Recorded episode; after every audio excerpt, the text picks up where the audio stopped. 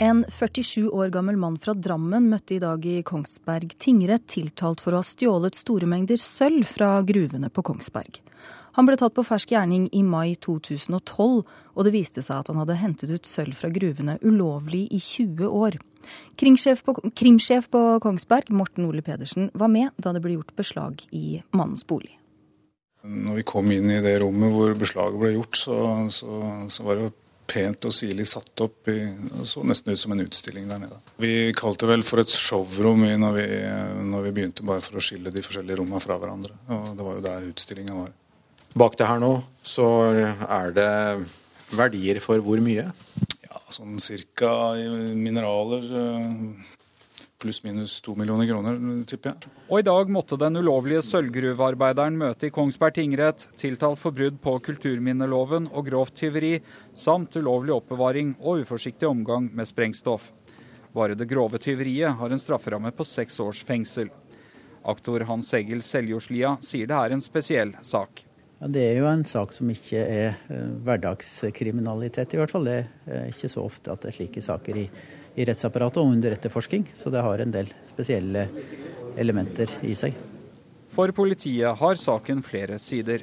Det er jo den kulturminnedelen, det kulturmiljøet som er freda. Og så har det jo da delen med vinning. Det er jo da i utgangspunktet statens mineraler det er snakk om. Og så er det selvfølgelig den sikkerhetsmessige delen i gruvene, som er et turistområde. Og så er det jo den oppbevaringen av sprengstoff som har, er foregått i et boligområde, som kunne påføre stor skade dersom det skulle skje en antenning eller eksplosjon av, av sprengstoffet. Advokat Fredrik Neumann forsvarer den tiltalte 47-åringen.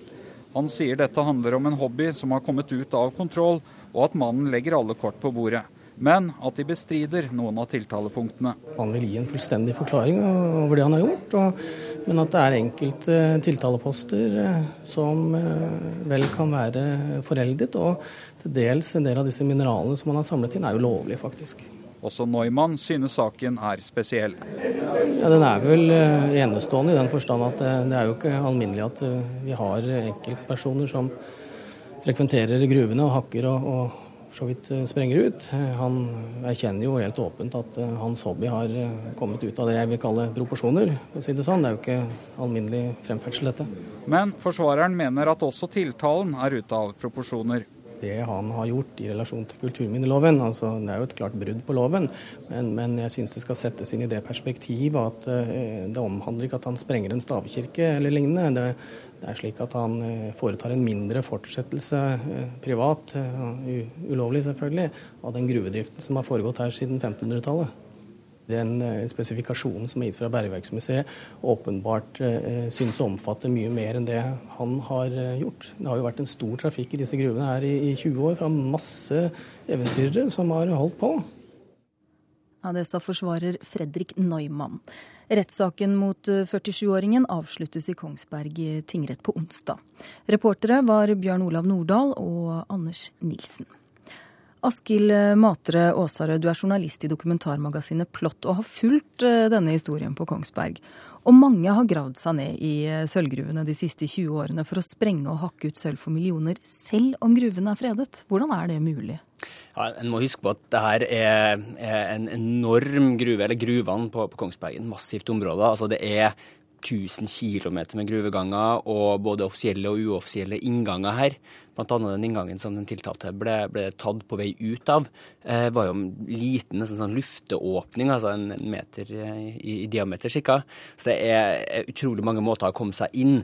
Så, så det er nok mange som har klatra inn gjennom mange av de her inngangene. Og så, så Mitt inntrykk i hvert fall når jeg reiste til Kongsberg og begynte å, å, å rote litt rundt i den saken her, var at det er blitt nesten en slags sånn manndomsprøve eh, i flere, flere tiår der nå. Altså gå inn i de her gruvene. Ja, på, Noen, ja. på, hvilken måte da? Hva er det de gjør? Nei, altså, Det starta egentlig på 70-tallet og, og, enda tidligere, når gruvene var, var, offisielt nedlagt. Så begynte folk å, å rappellere seg ned med, med brukte slepetau.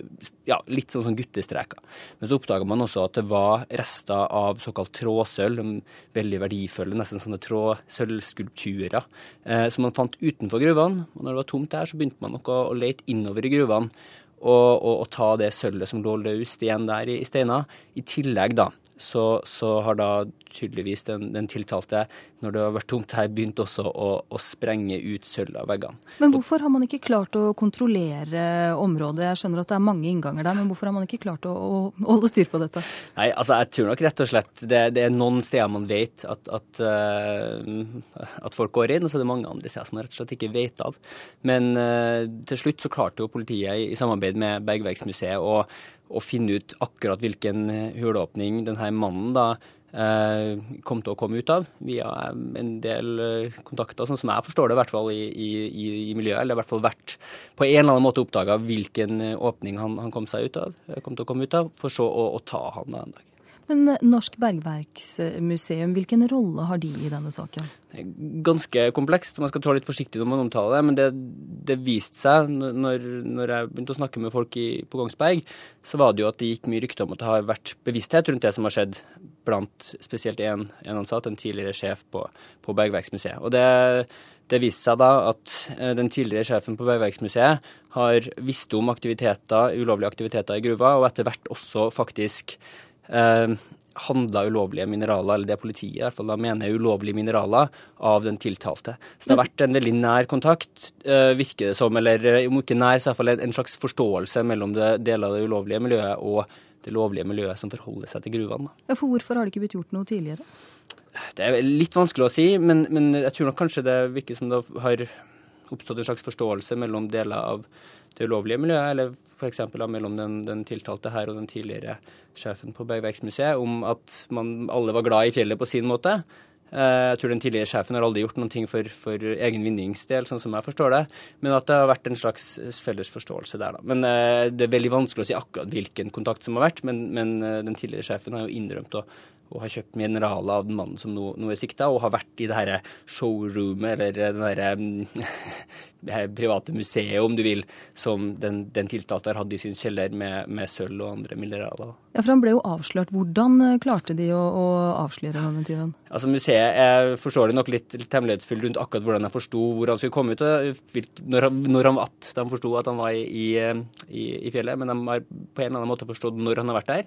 Og, og, i samarbeid med politiet rett og slett spana utenfor en spesiell åpning. Da kom han ut av den her, eh, lille fjellåpninga, søkkvåt ifølge, ifølge politiet, eh, med en sekk med eh, noen steinmineraler i. da. Hva med den ulovlige ferdselen i gruva? Har museet klart å stoppe den nå? Det de sier, er at det er satt opp ganske strenge tiltak for å, å prøve å, å, overvåke det her. Men det vil de ikke fortelle noe om, av forståelige grunner. Da. Men de sier at nå, nå finnes det måter hvor de, de, skal ha en eller annen form for kontroll. da. Så da kanskje man uh, slipper å miste mer sølv fra gruvene på Kongsberg. Takk skal du ha, journalist Askild Matre Aasarød, som har fulgt uh, denne saken tilbake i historien.